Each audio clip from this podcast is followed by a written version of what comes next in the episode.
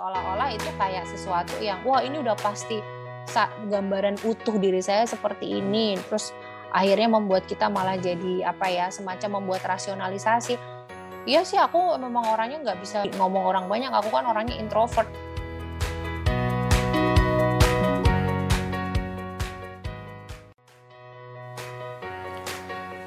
selamat datang di Apa Kata Psikologi, podcast yang akan membantu kita memahami perilaku manusia yang mempengaruhi banyak hal dalam hidup, kesehatan mental, karir, tantangan pengasuhan, masalah relationship, pengambilan keputusan sehari-hari, dan masih banyak lagi. Dikemas dalam obrolan santai bareng para ahli. Selamat menyimak dan dapatkan insight untuk hidup yang lebih baik.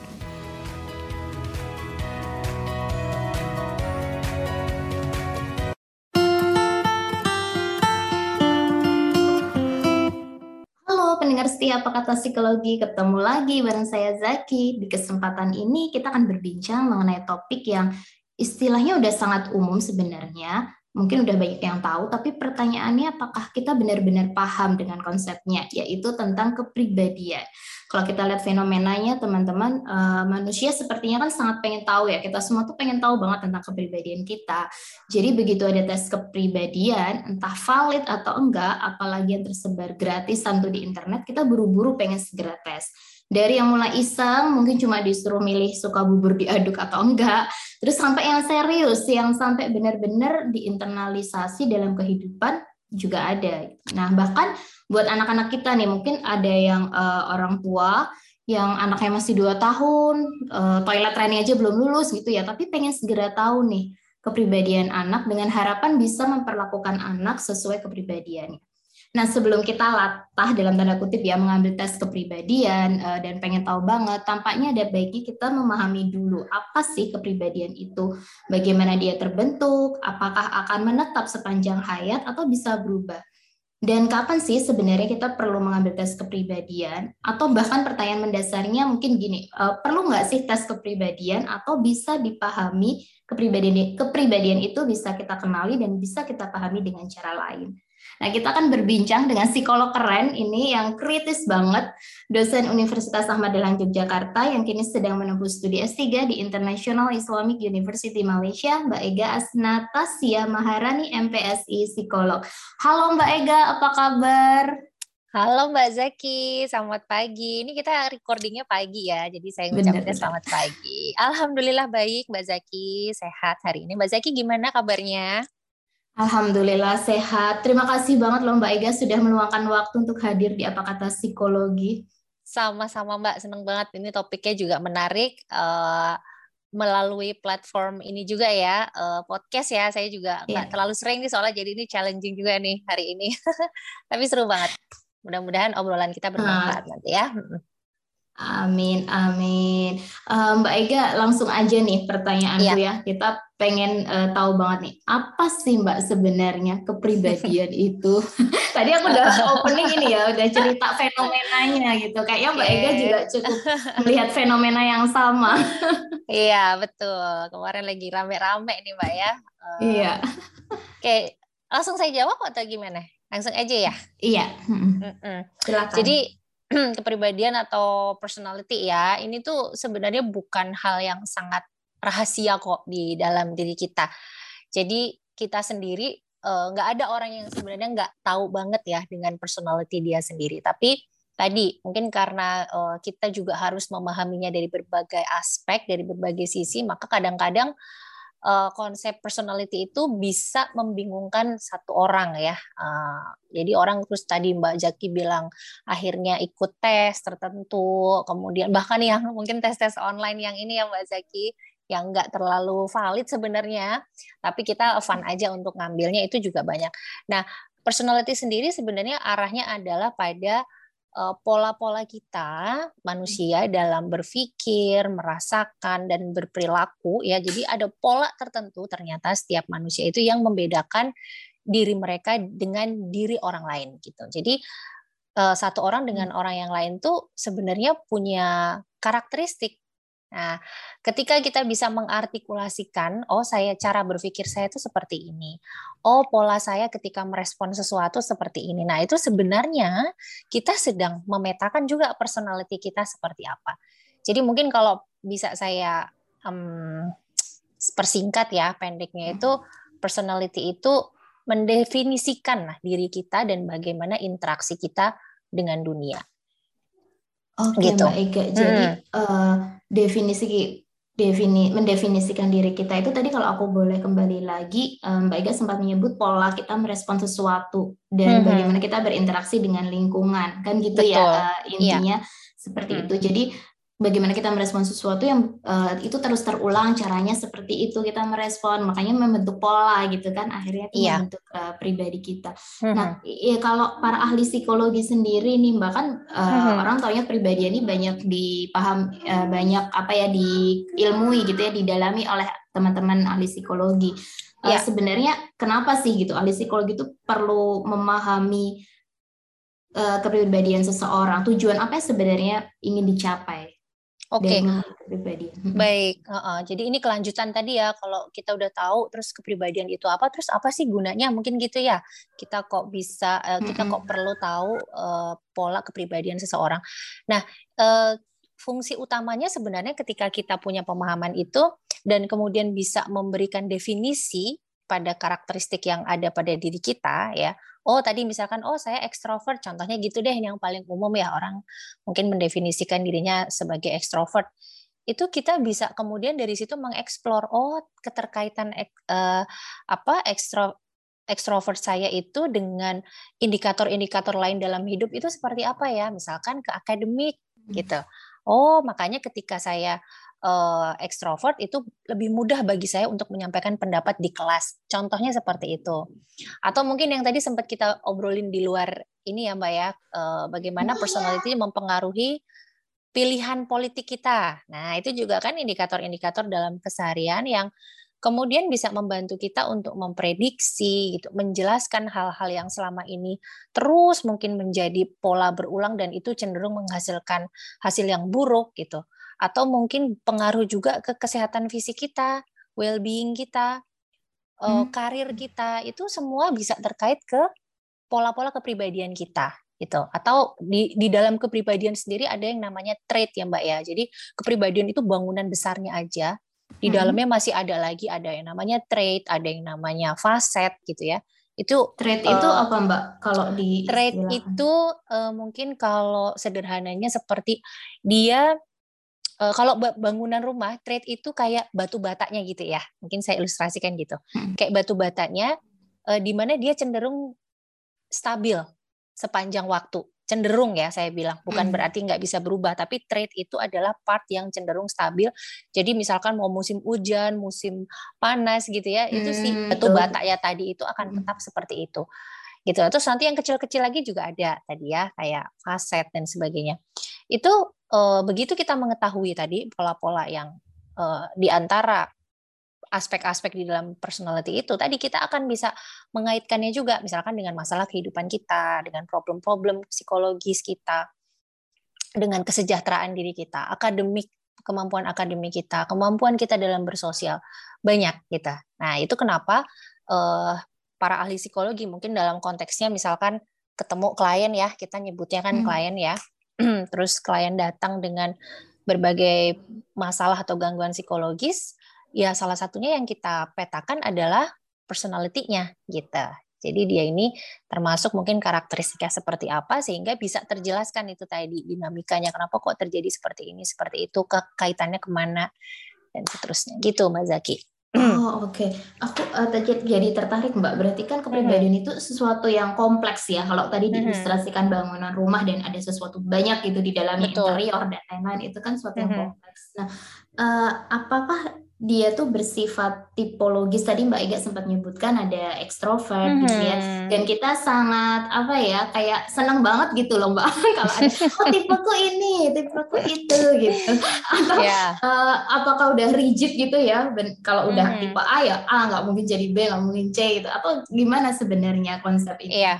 kalau yang ditanya sesederhana ini tipologis atau uh, continuum gitu ya, artinya bisa tebel, bisa tipis gitu ya kalau continuum itu. Uh, personality ini lebih ke arah continuum. Jadi dia sebenarnya tidak mengkotak-kotakan individu ke dalam kategori ya. Meskipun tadi hmm. orang bisa saja sih menilai diri mereka itu ekstrim ekstrovert. Misalkan ya ini yang orang bahasa paling umum deh. Misalkan saya tuh ekstrovert hmm. banget gitu. Udah ada kata-kata banget di situ. Namun sebenarnya bangunan personality kita kan tidak hanya persoalan ekstrovert introvert ya ada banyak nih oh, dan hmm. ini teorinya sebenarnya banyak Mbak Zaki hanya mungkin yang paling populer hmm. yang bukan populer yang paling terkini yang masih dipakai sampai saat ini itu uh, namanya Big Five factor eh, five factor personal five factor model ya atau big five personality. Jadi hmm. dia itu membagi uh, personality kita ke dalam lima trait tadi, lima batu bata tadi ya. Yang pertama itu openness atau keterbukaan. Kemudian hmm. ada conscious conscientiousness, ah, maaf ya. Hmm. conscientiousness atau itu tuh kayak kemampuan kita untuk uh, keep things order gitu. Jadi supaya terorganisir. Nah, gitu ya, terorganisir, rapih, terselesaikan gitu. Kemudian ada juga yang ketiga extroversion. Nah, ini yang tadi sempat kesebut sedikit ya. Extrovert mm -hmm. tadi itu masuk di sini tuh extroversion. Jadi level energi kita ketika berinteraksi dengan dunia luar, termasuk sifat-sifat asertif. Jadi mampu menyatakan kemampuan uh, ke apa pendapat sendiri tanpa menyakiti orang lain, kemudian kemampuan kita untuk bergaul, memaintain hubungan dengan orang lain itu termasuk extroversion. Itu ketiga hmm. ya. Yang keempat hmm. adalah agreeableness. Iya benar-benar keempat ya. Iya, keempat ada agreeableness. Hmm. Itu adalah semacam tingkat positivity atau kehangatan kita dengan orang lain. Jadi bagaimana kita menunjukkan rasa hangat, rasa hormat, kasih sayang pada orang lain itu di situ. Yang kelima adalah neuroticism. Jadi tendensi kita untuk memunculkan emosi negatif. Jadi tendensi-tendensi seseorang misalkan untuk merasakan depresi atau kecemasan gitu ya. Dan yang terakhir sebenarnya ini ada tambahan lagi eh, selain lima tadi meskipun judulnya Big Five Personality ya, tapi ada aspek keenam yang menjadi tambahan atau trait keenam yaitu honesty dan humility atau kemanusiaan. Nah ini tuh ini tuh batu bata besarnya Mbak Zaki. Nah yang diukur hmm. dalam dalam uh, tes-tes personality terbaru itu sebenarnya di masing-masing trait ini tadi di openness-nya, di extroversion-nya itu orang ini tinggi atau rendah, tinggi atau rendah gitulah.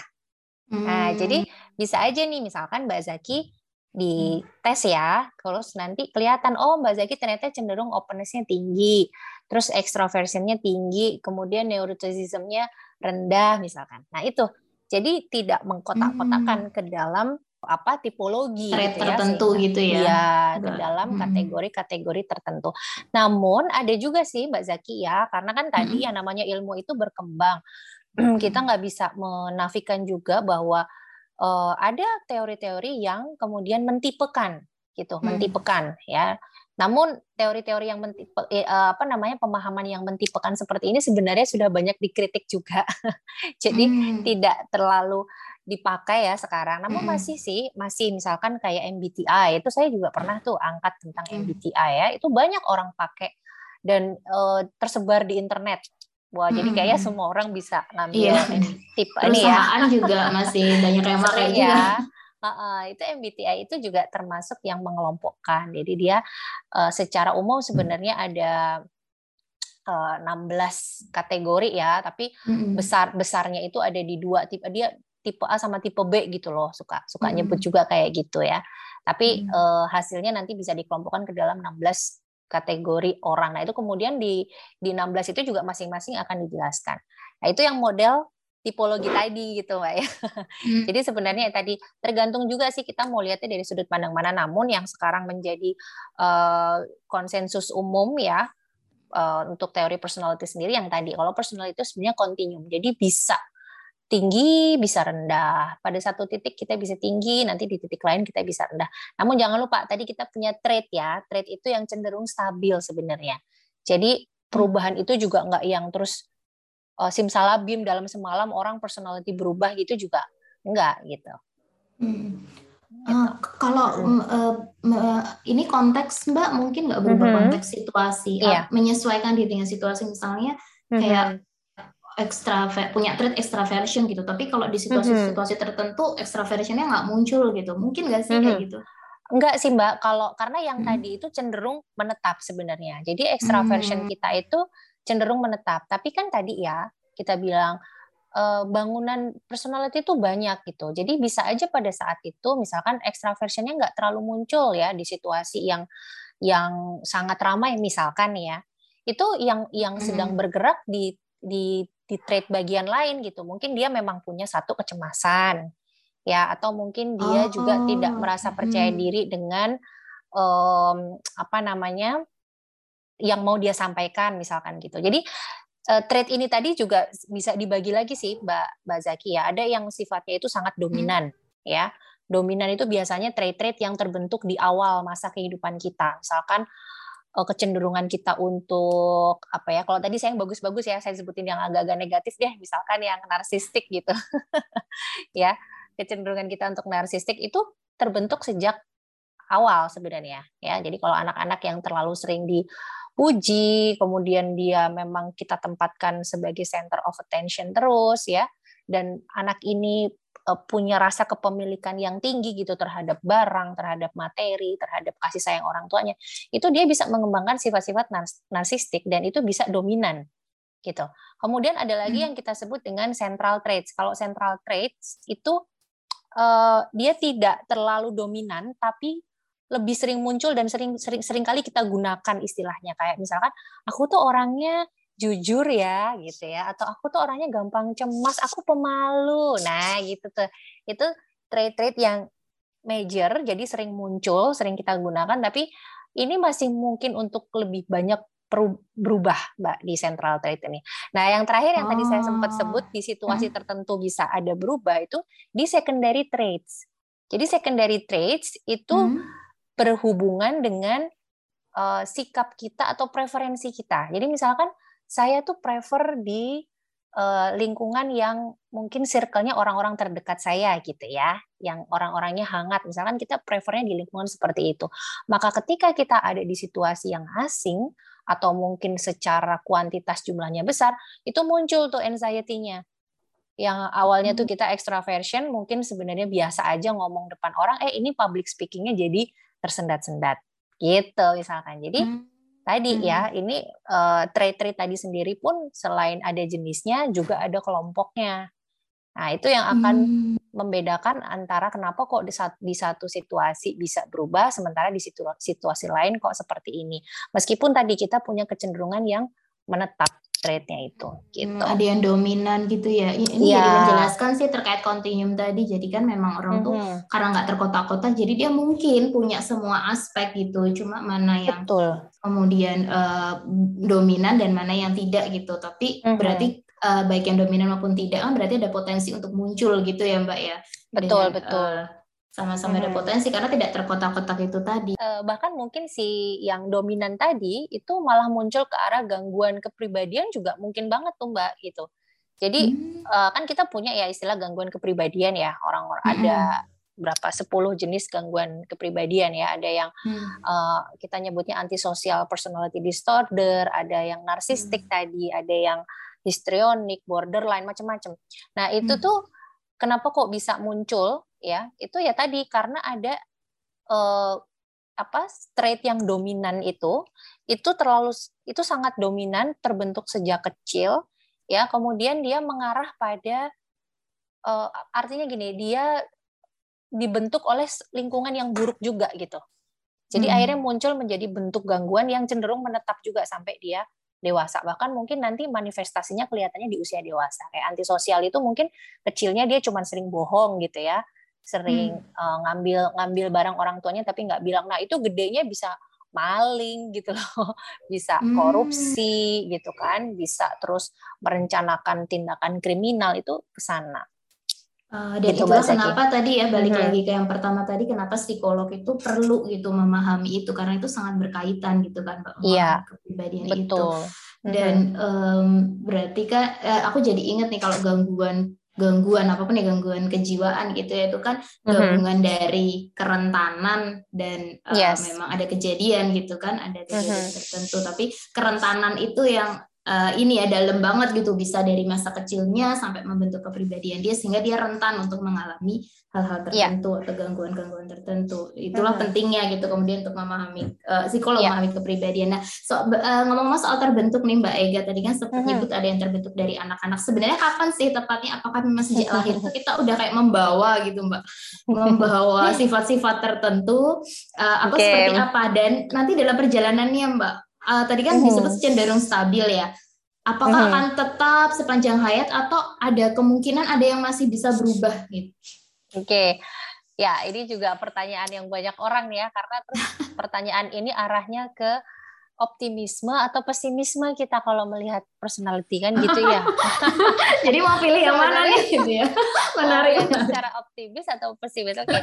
Jadi gini, ini saya mungkin kalau dari segi keilmuannya sendiri ya sudut pandangnya banyak sebenarnya di psikologi itu. Jadi ada yang memang mengatakan peranan gen itu uh, dominan ya. Uh, ini dari teori-teori yang basisnya memang agak lama ya five factor teori bukan bukan five factor model ya five factor teori itu menyatakan bahwa peranan gen itu sangat besar. Nah ini yang mungkin kalau Mbak Zaki ingat beberapa waktu yang lalu sempat saya agak rame ya di sosial media saya ngomongin tentang fingerprint test. Nah itu hmm. orang-orang yang percaya bahwa uh, sejak lahir itu kita membawa sudah membawa karakteristik tertentu dan itu cenderung menetap itu termasuk ke kelompok ini gitu. Mereka itu sangat percaya bahwa personality itu keturunan. Jadi besar-besar pengaruh dari kedua orang tuanya bahkan mungkin ancestor mereka gitu ya. Uh, apa nenek moyang mereka itu besar di sana. Tapi kan tadi teori ini berkembang nih, pemahaman kita berkembang. Ternyata tidak hanya gen, sosial, bagaimana kita berinteraksi itu termasuk di dalamnya uh, mungkin pola asuh orang tua kita ya. Jadi meskipun kita diturunkan genetik tertentu dari orang tua, tapi kalau pola asuhnya orang tua kita sendiri kemudian berbeda nih ya, misalkan orang tua kita menurunkan kecenderungan kita narsisik kayak tadi. Tapi ternyata dalam pola asuhnya mereka memberikan kita contoh yang compassion, terus empati ke orang lain. Nah, itu itu ternyata pengaruhnya juga besar dari lingkungan gitu. Ada lagi yang menyatakan bahwa terbentuknya personality itu dari gabungan Eh, aspek kognitif sama afektif ya. Jadi di setiap situasi itu bisa berubah nih personality kita gitu ya. Eh, cara kita berinteraksi kenapa? Karena di setiap situasi cara kita memahami situasi tersebut dan cara kita merasakan di situasi tersebut, belief kita, tujuan kita itu juga bisa berbeda. Nah, tapi kalau saya bisa ambil kesimpulan sebenarnya sampai saat ini yang masih menjadi pegangan adalah mungkin sama ya general konsensusnya adalah bahwa personality itu dibentuk sejak early life experience dan hmm. dia cenderung uh, bertahan stable over time gitu ya. Namun dia tetap bisa berubah seiring peristiwa dalam hidup gitu. Ya meskipun dia hmm. di masa dewasa gitu. Padahal dewasa ini lebih sulit Mbak Zaki untuk berubah sebenarnya dibandingkan ketika kita masih anak-anak, tapi masih bisa hmm. berubah ini juga terkait kan dengan uh, salah satu sifat otak manusia ya yang plastis ya. Jadi plasticity mm -hmm. itu kemampuan uh, otak kita untuk beradaptasi gitu, mengikuti pola di uh, sekitar kita itu ternyata juga pengaruh di sini gitu. Jadi ketika hmm. kita juga mau mengupayakan perubahan, maka ketika kita treatment misalkan datang ke psikolog, itu kan juga ada intervensi ya. Intervensinya tidak hanya mengubah di tataran perilaku sebenarnya intervensi itu juga tujuannya mengubah mungkin ada pola-pola atau trait personality kita yang selama ini cenderung destruktif merusak ya dan itu kemudian kita uh, perbaiki kita. Nah gitu. Jadi uh, dan yang bisa hmm. merubah ini apa? Banyak ya. Bisa aja peristiwa yang sangat traumatis. Bisa misalkan kita kehilangan seseorang ya. Jadi kita berduka hmm. sangat panjang gitu. Atau kita mengalami life changing events apa ya misalkan kayak oh tiba-tiba dapat uh, sebelumnya nggak pernah dapat juara terus ini tiba-tiba dapat kesempatan ikut kompetisi terus juara. Wah gitu ya. Itu dia hmm. mungkin di trade keterbukaannya tadi opennessnya bisa berubah drastis di situ juga bisa gitu atau mungkin perubahan peran Mbak Zaki ini juga nih yang sering terjadi jadi ketika kita semakin dewasa itu kan peran kita tambah ya Hmm. Mungkin jadi orang tua gitu. Ya. Jadi orang tua, nah bener deh. Misalkan, oh ketika saya jadi orang tua, uh, saya lebih terorganisir tuh. Nah, berarti kan tadi di cons, cons, conscientiousness-nya itu lebih tinggi lagi daripada ketika kita masih single hmm. gitu kan. Mau nggak mau uh, soalnya mbak. Betul, lebih terorganisir kalau kan nanti berantakan kan jadwal kita sehari-hari atau mungkin di area agreeableness-nya. Jadi di mana kita menunjukkan kehangatan, rasa hormat pada orang lain ya karena udah punya anak jadi lebih bisa ekspresif uh, menyampaikan kasih sayang itu juga bisa berubah. Jadi peran sosial, peristiwa traumatis tadi atau kita punya peristiwa-peristiwa yang mengubah hidup, mengubah perspektif itu bisa banget mengubah uh, personality kita juga. Oke, wah, wah lengkap banget Mbak Iga uh, penjelasannya. Nah, aku jadi jadi tertarik nih. Kalau ini kan terbentuknya uh, tadi dari sebut ya banyak yang mengatakan di early life gitu, experience. experience. Nah, berarti kalau misal kita mau ngetes kepribadian anak-anak kita gimana, Mbak Iga? Kapan gitu bisa hmm. mulai dites? Apakah perlu dites saat masih uh, eh, yeah. dia belum uh, masih barusan lulus toilet training gitu ya? ya oke okay. tadi seperti di pembukaan ya. Uh, ya paling nggak kita mesti kalau konteks yang ditanyakan adalah anak-anak, maka kita harus orang tua juga harus tahu persis buat apa sebenarnya gitu. Ini kalimat pertama saya di awal tadi saya menyatakan ya kalau personality itu sebenarnya bukan hal yang rahasia kok. Jadi itu bukan sesuatu yang jauh tersimpan di dalam diri kita sampai nggak kelihatan sama sekali gitu. Apalagi kalau konteksnya interaksi orang tua dan anak ya. Mestinya itu kan kita setiap hari yang ngasuh merawat mereka gitu ya.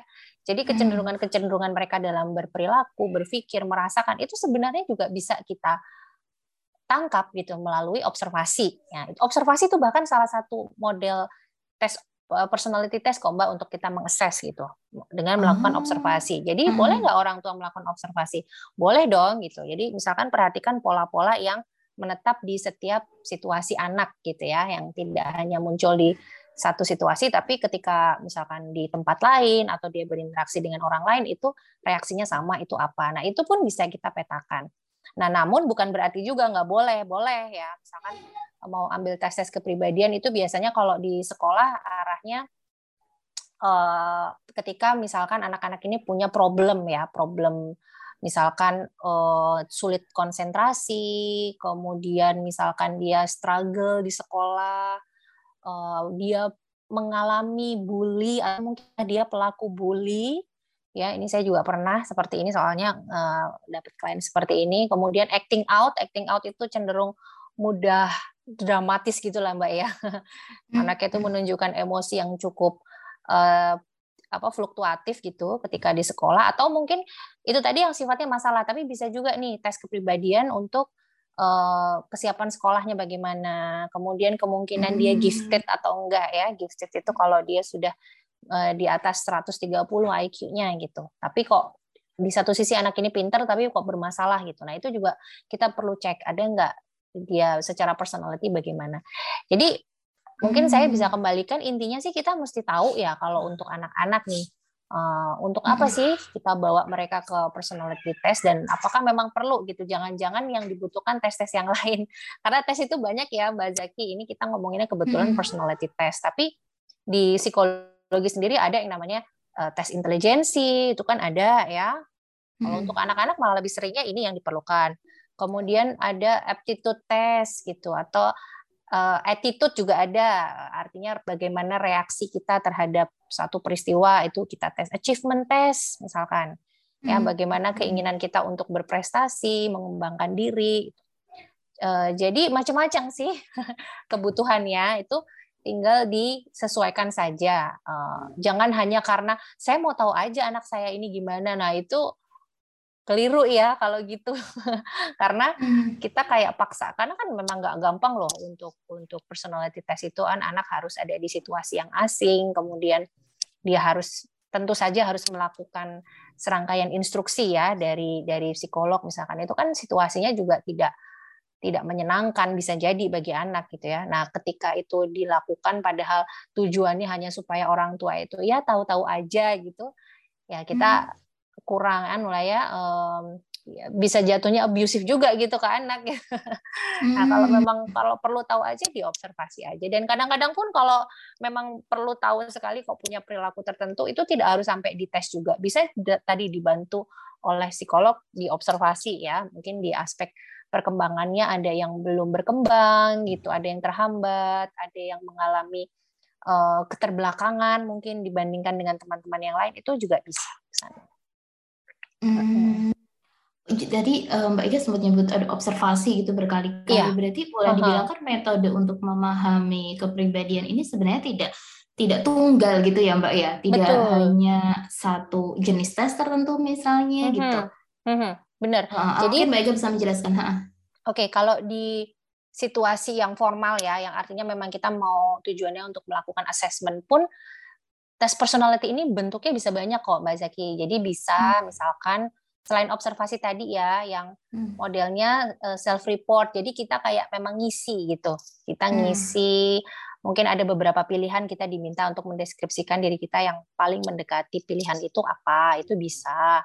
Kemudian ada yang modelnya itu proyeksi. Jadi uh, kalau proyeksi itu dia cenderung mau ngangkat hal-hal yang belum kita sadari ya. Misalnya kita diminta gambar, mungkin pernah ya yang dengar podcast mm. ini diminta gambar rumah, gambar orang gitu. Itu termasuk di antaranya. Kalau anak-anak ada yang diminta untuk gambar naga gitu-gitu. itu nanti akan kelihatan dari tarikan-tarikan eh, garisnya, kemudian tema gambarnya seperti apa uh, ukurannya hmm. itu bisa kita ambil kesimpulan di sana. Kemudian ada juga yang metode-metode seperti uh, kita semacam diberi skenario gitu ya. Jadi kalau kamu ketemu situasi seperti ini, apa yang akan kamu lakukan lebih dulu, misalkan gitu. Nah dari situ nanti kita akan petakan juga, oh yang paling dominan dalam diri kita itu apa. Jadi termasuk tadi terakhir observasi. Nah ini modelnya banyak gitu, tergantung nanti situasi itu kliennya hmm. usianya berapa, kebutuhannya untuk oh, apa? Apakah untuk penegakan diagnosis kah ataukah untuk kita ke arah menentukan intervensi yang cocok buat orang ini apa? Itu kan macam-macam ya kebutuhan assessment sampai personality test itu. Hmm. Nah, nanti pada akhirnya itu bisa menentukan uh, jenis tes yang cocok itu apa gitu uh, bagi orang ini. Hmm. Maka saya tarik kembali ya kalau uh, beberapa waktu yang lalu kenapa saya bersuara tentang uh, fingerprint test itu karena dia itu seolah-olah satu tes untuk semua situasi gitu loh. Untuk semua kebutuhan hmm. itu bisa seolah-olah ya kan hmm. karena klaimnya tuh begitu untuk kepemahaman akademik, untuk pengasuhan, untuk bakat minat, bahkan untuk penempatan di perusahaan seolah-olah tidak memperhatikan tadi karakteristik-karakteristik usia misalkan ya terus tujuannya hmm. untuk apa gitu itu kan nggak nggak pas ya kayak gitu mengingat betapa kompleksnya personality terus kita kayak punya satu tes yang bisa menyelesaikan semua itu di satu sisi itu yang nggak tepat secara etikal secara ini tadi pemahaman personality itu sendiri namun di sisi lain orang bisa saja mengemasnya menjadi sebuah bisnis itu tadi karena hmm. simple nih nggak usah terlalu karena simple juga sih mbak iya hmm. ya kan simple orang suka banget deh kalau dikasih pilihan yang simple kenapa harus merumitkan diri sendiri mungkin gitu ya hmm. tuh Iya, dan tadi aku uh, balik ke Mbak Ega yang uh, bilang iya. bahwa buat apa gitu tujuan tadi gitu. Nah ini kan yang jadi uh, concern ya Mbak ya uh, tujuannya apa sih gitu kita pengen uh, ambil itu gitu bahkan teman-teman yang mungkin juga ambil fingerprint test gitu kan apa, apa dulu gitu tujuannya sampai wah Betul. terus bisa tahu semua hal gitu.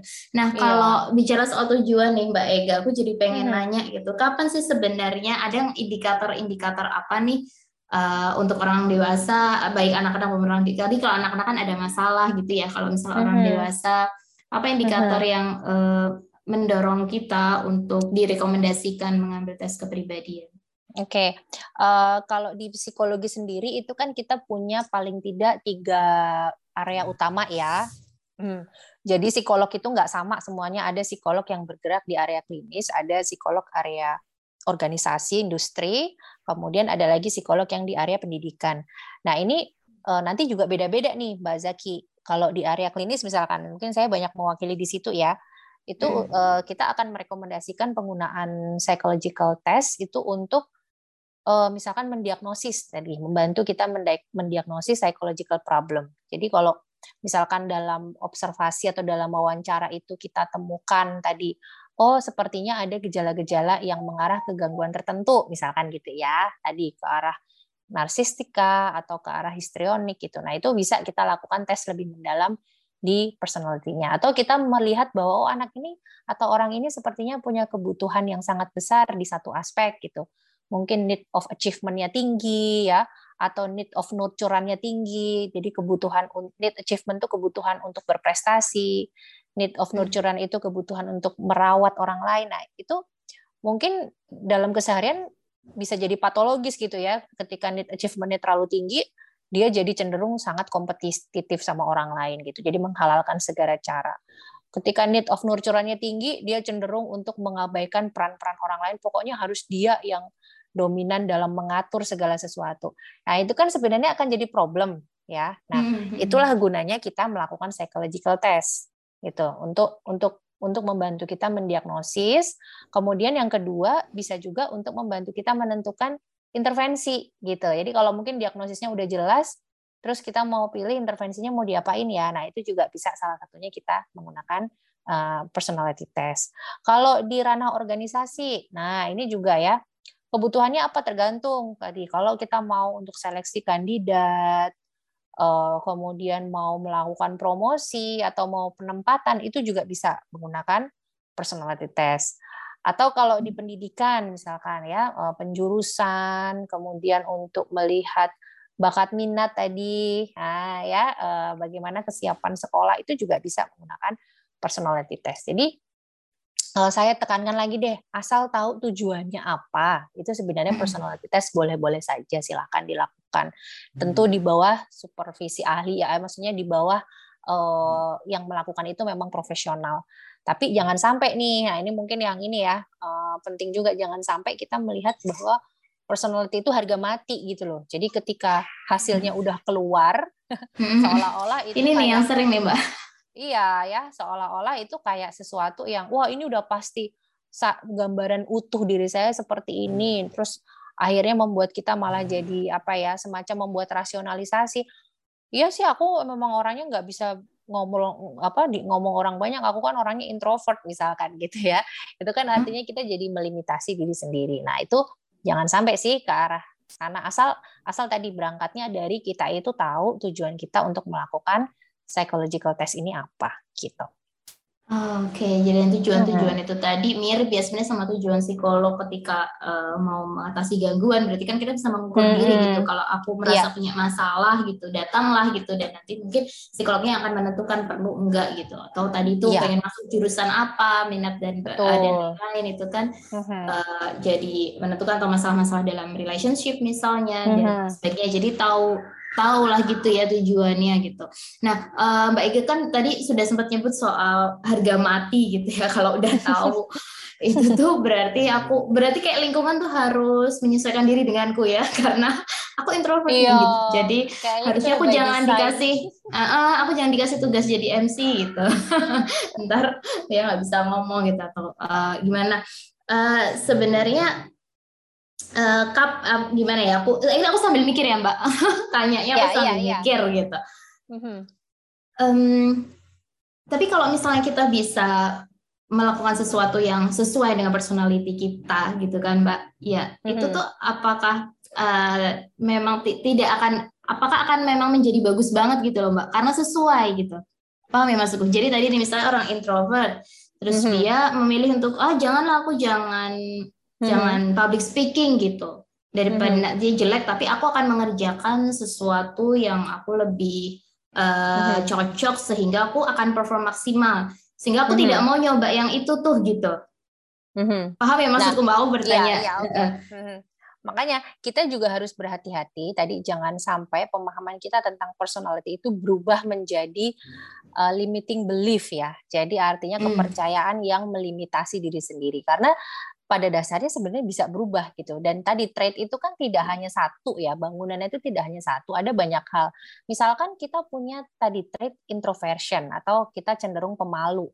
Tapi di sisi lain kita punya secondary trait yang tentang sifatnya melayani orang lain gitu. Ya, kita juga punya nih trade hmm. trade melayani orang lain. Nah, ternyata di, pada situasi tertentu kita diminta untuk volunteer bicara depan orang banyak, misalkan gitu Mbak Zaki. Hmm. Jadi ini kan sebenarnya yang bisa kita bisa kita gunakan secondary trade kita itu untuk mendorong kita berani menembus batas-batas yang sudah kita tentukan sendiri gitu. Hmm. Nah, jadi tugas kita itu nanti sebenarnya setelah uh, tadi setelah kita tahu mungkin kita itu termasuk di uh, yang mana ya mana yang tebal di diri saya mana yang tipis diri saya itu tetap kita harus beri ruang gitu loh untuk diri kita itu mau mau berubah ya jadi apa yang ber, apa yang sudah jadi kekuatan itu dikelola intinya kemudian yang jadi kekuat yang masih jadi kelemahan itu dihandle gitu jadi jangan sampai terus kayak nggak bisa diapa-apain lagi gitu ya ada nih satu penelitian mungkin saya agak kutip ya dari uh, Michigan State of University itu mereka menarik sekali. Uh, mereka mencoba sebuah eksperimen dalam kelompok besar ini, Mbak Zaki, mm -hmm. sekitar 370 mahasiswa itu hmm. selama dua minggu berturut-turut. Jadi sebelum sebelum sebelum di eksperimen itu mereka dites kepribadian dulu ya. Intinya hmm. mana yang tebel, mana yang tipis tadi di trade, mana hmm. mereka cenderung masih kurang. Nah itu kemudian setiap minggu, tiga minggu kalau nggak salah, tiga hmm. minggu itu mereka diberi uh, tugas-tugas yang sifatnya challenging di trade yang mereka lemah tadi, yang mungkin masih mereka ingin perbaiki gitu. Jadi ketika misalkan trade openness-nya uh, apa namanya kecil, maka dia diberi tantangan untuk datang makan siang di tempat yang baru misalkan gitu. Atau dia datang ke tempat di mana dia bisa menyapa orang asing. Itu hmm. ketika dilakukan selama tiga minggu berturut-turut, ternyata hasilnya menunjukkan ada perubahan, gitu. Jadi ketika wow. kita memaksa kita memaksa diri kita untuk ada behavioral change, ya perubahan perilaku saja itu sudah mendorong ke arah perubahan personality juga gitu jadi asal kita sebenarnya mau konsisten mau tadi melihat ini sebagai situasi yang penuh apa se sebagai tantangan ya sebagai tantangan kita untuk berkembang itu masih bisa banget kok personality kita itu kita dorong ke arah yang uh, lebih positif gitu lebih baik lah Oke, tadi aku uh, menggarisbawahi kata Mbak Ika tetap beri ruang gitu ya, mm -hmm. karena mm -hmm. uh, dunia ini kan mungkin ya nggak uh, sama dengan mau kita semuanya ya mbak Iya. Lingkungan itu kan nggak nggak sama dengan nggak selalu gitu ya bisa memenuhi uh, apa yang sesuai dengan diri kita dan mungkin human manusia itu kan kompleks ya mbak. Ini penjelasan dengan kita memahami kepribadian aku jadi melihat oh ya ya memang begini manusia gitu kompleks nggak kayak robot yang pasti ini itu atau di set ya, ini jadinya itu program. gitu ya bisa iya. diprogram ya. gitu ya tapi benar-benar kompleks dan itu harusnya sikap bijak itu yang harus kita ambil ketika kita uh, mengambil tes kepribadian hmm tidak iya. kemudian menjadikan harga mati, tapi justru kita tahu ruang mana sih yang perlu diberi eksplorasi kalau iya. dibutuhkan, iya. atau dan ruang mana hmm. yang kita bisa optimal. Kira-kira begitu iya. ya Mbak ya. Justru iya. kita bisa memahami. Kalau tadi rumah kita tuh jadi tahu rumah kita itu dalamnya kayak gimana sih, gitu kan? Iya. Dan kita jadi bisa tahu, oh ini ruangan ini cocoknya mungkin untuk saya belajar ya. Tapi betul, saya juga bisa loh di sudut sana belajar, misalkan dengan menambahkan sedikit jendela jadi gitu kita hmm, bisa menarik gitu ya. Ilustrasi ini menarik banget loh mbak, beneran. ya jadi bukan bukan tadi bukan bangunan yang kaku kok gitu meskipun saya gambarkan personality itu sebagai rumah kita tapi kita bisa gunakan tadi yang yang cenderung stabil tadi kita kita dorong, kita push ya, kita coba hal baru itu masih bisa. Nah, mungkin tambah sedikit tambahan juga ya Mbak Mbak Zaki, saya juga ingin menggarisbawahi bahwa personality test itu tetap saja walaupun kita melakukannya sudah di bawah uh, apa ahli ke, hmm. ke profesional misalkan tetap saja yang namanya personality itu dia nggak bisa mengungkap keseluruhan diri kita intinya gitu ya dia nggak bisa hmm. misalkan nih karena kan tes psikologi tes tes personality banyak ya misalkan hmm. uh, saya pakai yang paling umum misalkan pakai big five tadi pakai big five inventory ya dia hanya mengcover dari teorinya big five kan gitu padahal hmm. tadinya bangunan kita itu isinya banyak.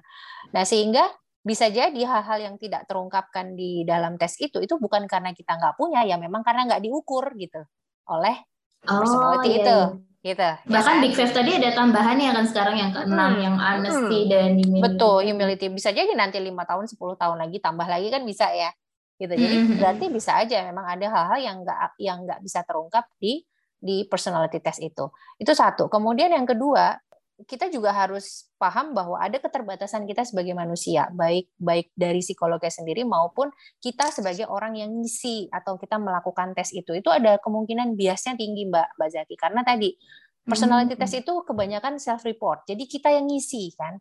Kita yang ngisi pilihan-pilihan itu. Nah, ketika hmm. ngisi itu nggak ada orang yang bisa memastikan kita itu jujur loh. Gitu. Ya, benar, bisa benar, aja benar. kita sendiri bias, faking good, atau kita tahu bahwa oh yang diharapkan norma tuh ya yang seperti ini maka kita cenderung milih yang itu gitu ya. Jadi ada ancaman-ancaman ini sebenarnya ketika self report. Kemudian untuk yang tadi misalkan yang oh saya nggak bisa bohong deh uh, nggak bisa faking good misalkan. Tapi ya, artinya di tes-tes yang proyeksi tadi ya, yang disuruh gambar, disuruh Hmm, um, yang bukan kan, self report ya. Uh, uh, Jadi ya, dia nggak tahu nih maksudnya apa gitu kan kalau gambar. Hmm. Jadi itu kan kayak dorongan intrinsik kita yang keluar banget ya. Hmm. Nah, tapi ancaman lainnya adalah tes-tes seperti ini itu akan subjektif diinterpretasi oleh psikolog. Padahal setiap psikolog juga punya ruang tadi kan untuk interpretasi hasil tes itu. Jadi ya, walaupun ada panduan, ada rambu-rambu, tapi itu buka itu cair gitu loh.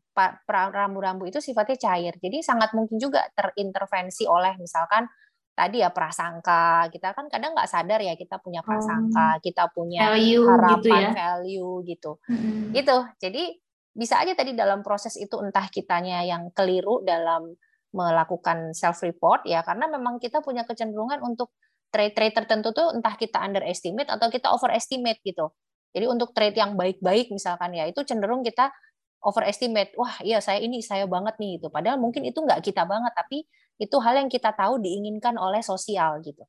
Atau mungkin hal-hal yang tadi kecenderungan untuk anxiety depresi kita cenderung menilai rendah. Karena kita tahu ketika kita mengakui bahwa kita itu gampang cemas gampang depresi itu akan dapat stigma gitu kan. Jadi mungkin ketika kita mengisi self report itu kita cenderung underestimate tuh skor-skor yang ke arah sana. Itu bisa saja gitu. Nah, maka maka tadi endingnya adalah hasilnya ini tuh bukan ini bukan selembar pengetahuan tingkat dewa kok gitu ya yang artinya hmm. harus 100% dipercayai, kemudian melimitasi diri kita, membuat kita nggak bisa bergerak meskipun di satu sisi memang iya memberikan kita banyak informasi yang mungkin kita belum tahu sebelumnya. Itu sih mungkin kalau hmm. tadi Mbak Zaki ah. arahnya ke bagaimana sikap kita ya, mungkin ketika kita sudah mendapatkan hasil tes personality, hmm next step-nya apa. Nah, itu hal-hal yang harus kita pahami juga. Oh, wah menarik ini. Jadi walaupun udah diinstruksi jujur, karena secara nggak sadar itu terjadi ya. Jawab dengan hmm. jujur, tapi itu kayak ya namanya itu tadi ya kita merespon sesuatu juga kan bergantung pada kepribadian kita gitu. Iya. yang dilihat seperti apa, nah, secara hmm. tidak sadar gitu. Kadang kita melakukannya. Iya. Nah, uh, hmm. tadi Mega sempat uh, menyampaikan uh, belum tentu benar 100% gitu ya atau ada hal-hal yang kadang memang nggak kelihatan karena memang nggak diukur gitu jadi begitu kompleks nah tapi sering kali kan kita merasa kayaknya ini cocok gitu loh mbak ya sering kali kita merasa tes apa pun yeah. lah bahkan tes yang uh, kamu mirip kuda atau kambing gitu kan ngelihat kuda yeah. atau ngeliat kambing gitu yeah. terus kita ngerasa kayaknya benar semua itu itu gimana mbak ya tadi ya ini akan balik lagi uh, beberapa hal ini beberapa beberapa hal bisa jadi penyebab.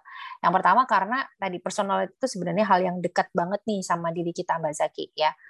Dekat sekali, oh, ada di dalam diri kita banget lah gitu. Saking dekatnya kita kadang-kadang nggak bisa objektif gitu. Saking dekatnya hmm. itu kadang-kadang membuat tadi penilaian kita terhadap diri kita sendiri itu bias.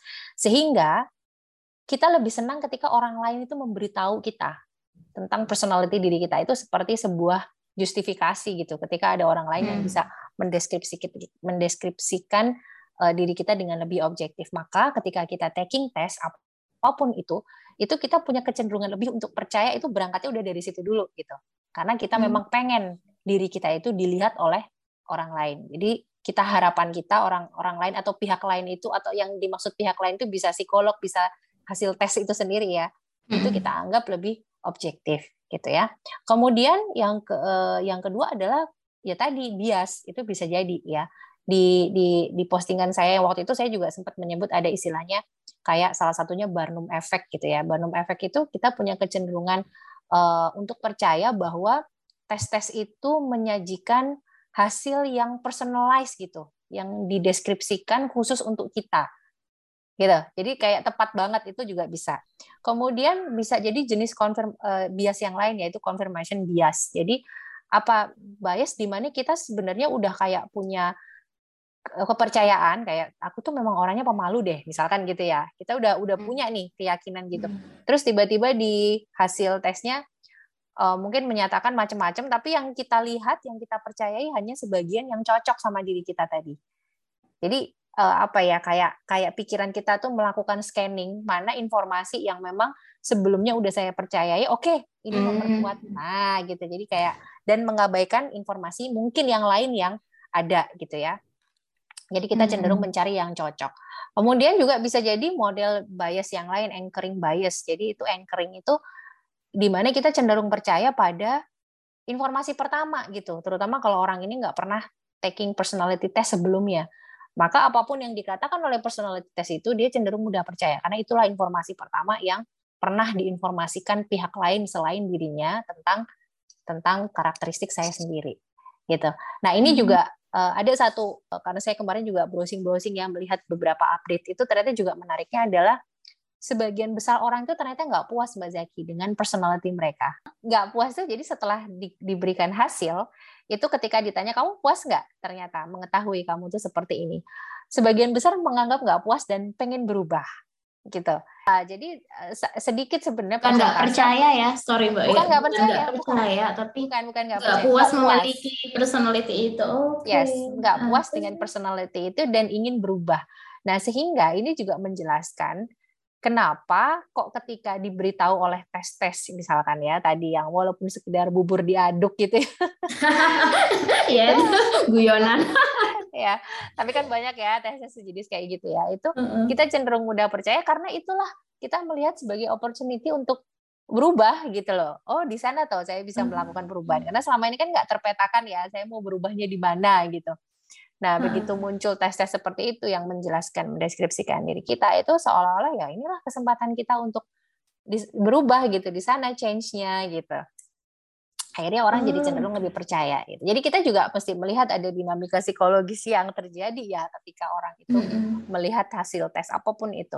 Termasuk yang kemarin fingerprint test itu kan banyak yang percaya banget tuh hmm. dengan hasilnya. Ini kayaknya benar. Tapi coba deh dari eh, kebetulan saya nggak akses satu-satu ya, tapi hmm Oh, dulu pernah waktu zaman sekitar beberapa tahun yang lalu saya pegang orang tua orang tua yang percaya dengan tes seperti itu. Ketika ditelusur juga sebagian tes itu juga tidak mengatakan yang sebenarnya, tapi mereka cenderung nggak ngelihat yang itu gitu. Cenderung oh, yang tadi cocok aja dengan pikiran mereka dan cocok dengan harapan mereka gitu. Ya, jadi misalkan oh anaknya oh, bisa iya. jadi ini, bisa jadi ini gitu arah arah peminatnya itu cenderung dipercaya gitu karena tadi mungkin fit dengan apa yang mereka harapkan goals mereka, belief mereka gitu. Nah, ini yang harus hmm. hati-hati ketika kita percaya pada personality personality test yang nggak valid, yang entah bagaimana entah dibentuk dari teori yang mana gitu ya dan tentu saja mungkin tidak disusun dengan metode yang mungkin sistematis gitu kan akhirnya bisa men, apa ya bisa menjerumuskan gitu ya orang akhirnya percaya mentah-mentah dia tidak memberikan ruang untuk perubahan tadi dan bahkan tidak mau melihat ini kualitas tesnya seperti apa gitu. Hmm, ini menjawab hmm. banget Mbak, menjawab banget ketika uh, orang uh, merasa kan orang kadang gini ya, apakah oh emang orangnya gitu ya gitu iya hmm. gitu kan kamu itu terus oh gitu jadi tadinya nggak begitu jadi merasa begitu karena hasil yeah yang ya. ada itu gitu bias-bias seperti itu. Dan tadi nggak melihat kalau misalnya mau lihat hasil tesnya orang lain gitu ya dengan tes yang tidak valid itu dengan hasil tesnya orang lain nanti juga mesti ada aja gitu aspek yang kita juga sebenarnya masuk di situ kan mbak gitu. Iya betul. Sama Lucunya, kayak istilahnya baca uh. astrologi lah misalkan gitu ya. Kita misalkan di saya Taurus gitu ya, saya ada masanya juga kok dulu seneng baca horoskop gitu ya. Hmm. tentu yang saya cari adalah uh, mungkin di di zodiak saya kan gitu ya saya Taurus. Jadi saya cenderung lebih banyak baca Taurus. Kayaknya cocok nih kan masuk masuk masuk. Tapi kalau sebenarnya saya mau buka mata sedikit saya mau lihat yang Gemini misalkan atau saya mau lihat yang Pisces ya ada aja sebenarnya sifat-sifat itu yang yang cocok di saya kok gitu loh. Tapi tadi kan di di pikiran kita kan yeah. sudah terjadi confirmation bias gitu yang di mana kita hanya mencari informasi yang mendukung pre-existing belief kita. Jadi yang mendukung hmm. kepercayaan kita yang sudah ada sebenarnya sebelumnya. Itu. Oh, oke. Okay. Dan sebenarnya kan kepribadian kalau tadi Mbak Ega sudah menjelaskan trade-nya kan sebenarnya nggak ada atau nggak menjelaskan konsepnya secara keseluruhan kan sebenarnya nggak ada benar salah ya Mbak. Jadi mm-hmm. uh, kenapa sih gitu ya kita harus iya. uh, misalnya nggak tadi itu balik ya. lagi nggak puas sehingga atau menghindari sesuatu atau nggak percaya terhadap sesuatu dan uh-huh. yang lain gitu karena uh, uh-huh. aku balik lagi ke konsepnya ini beri ruang gitu kan tadi uh-huh. Ega ini adalah rumah yang kamu punya banyak ruang kok di situ uh-huh. mana ruang yang membuatmu nyaman untuk melakukan apa tapi kalau kamu mau eksplor ruang yang lain itu boleh banget gitu kan? Boleh banget. kalau memang boleh banget. Karena tadi dinamis bisa masih bisa berubah kalau ada kejadian-kejadian tertentu gitu ya. Atau kita memang memaksa karena ada brain plasticity tadi otak hmm. kita masih berubah. Tapi kalaupun kita uh, tetap ada yang stabil dan kita mau mengoptimalkan juga boleh banget itu kan Betul. kita manusia gitu ya uh-huh. sekompleks itu dan ingat ada banyak hal juga yang masih belum diukur gitu jadi yeah. ini bukan harga mati ya uh, ilmu pengetahuan terus berkembang tapi pastikan uh-huh. uh, yang ketika ilmu pengetahuan berkembang itu pastikan juga selalu mencari yang memang ilmiah kan kira-kira yeah. begitu ya ya. agar kita tidak terluka sebetulnya ya Mbak Ega ya agar mm -hmm. kita uh, tidak jatuh ke lubang yang keliru gitu karena Betul. bagaimanapun ini untuk hidup kita secara keseluruhan. Mbak Ega Natasha Maharani terima kasih psikolog yang luar biasa. Sama-sama. Terima kasih penjelasannya gampang banget dipahami. Makasih ilustrasinya. Wah ini bisa memberikan Terima kasih. Ini transfer materi juga nih buat pendengar yang mungkin juga psikolog iya. teman-teman gitu ya. ya. Uh, penjelasan Mbak Ega tuh menurutku simple gitu, gampang banget untuk dipahami tapi ilmunya juga kuat di sini dasar. Ya. Makasih, Makasih sekali lagi. Pertanyaan Mbak Zaki juga kok ya. Pertanyaannya kalau aku maaf ya agak ribet. Aku sambil mikir. Karena penasaran, penasaran ya, kan. Menarik soalnya topiknya. Makasih banyak juga Mbak Zaki udah kasih Semoga nggak kapok ya Mbak Eka ya. ya. Seru, seru banget, senang banget ternyata. Ntar kalau kita ada topik-topik menarik lain untuk kita bagikan, iya, melanjutkan. Melanjutkan. Semoga bermanfaat buat teman-teman semuanya. Dadah. Terima kasih Mbak Zaki.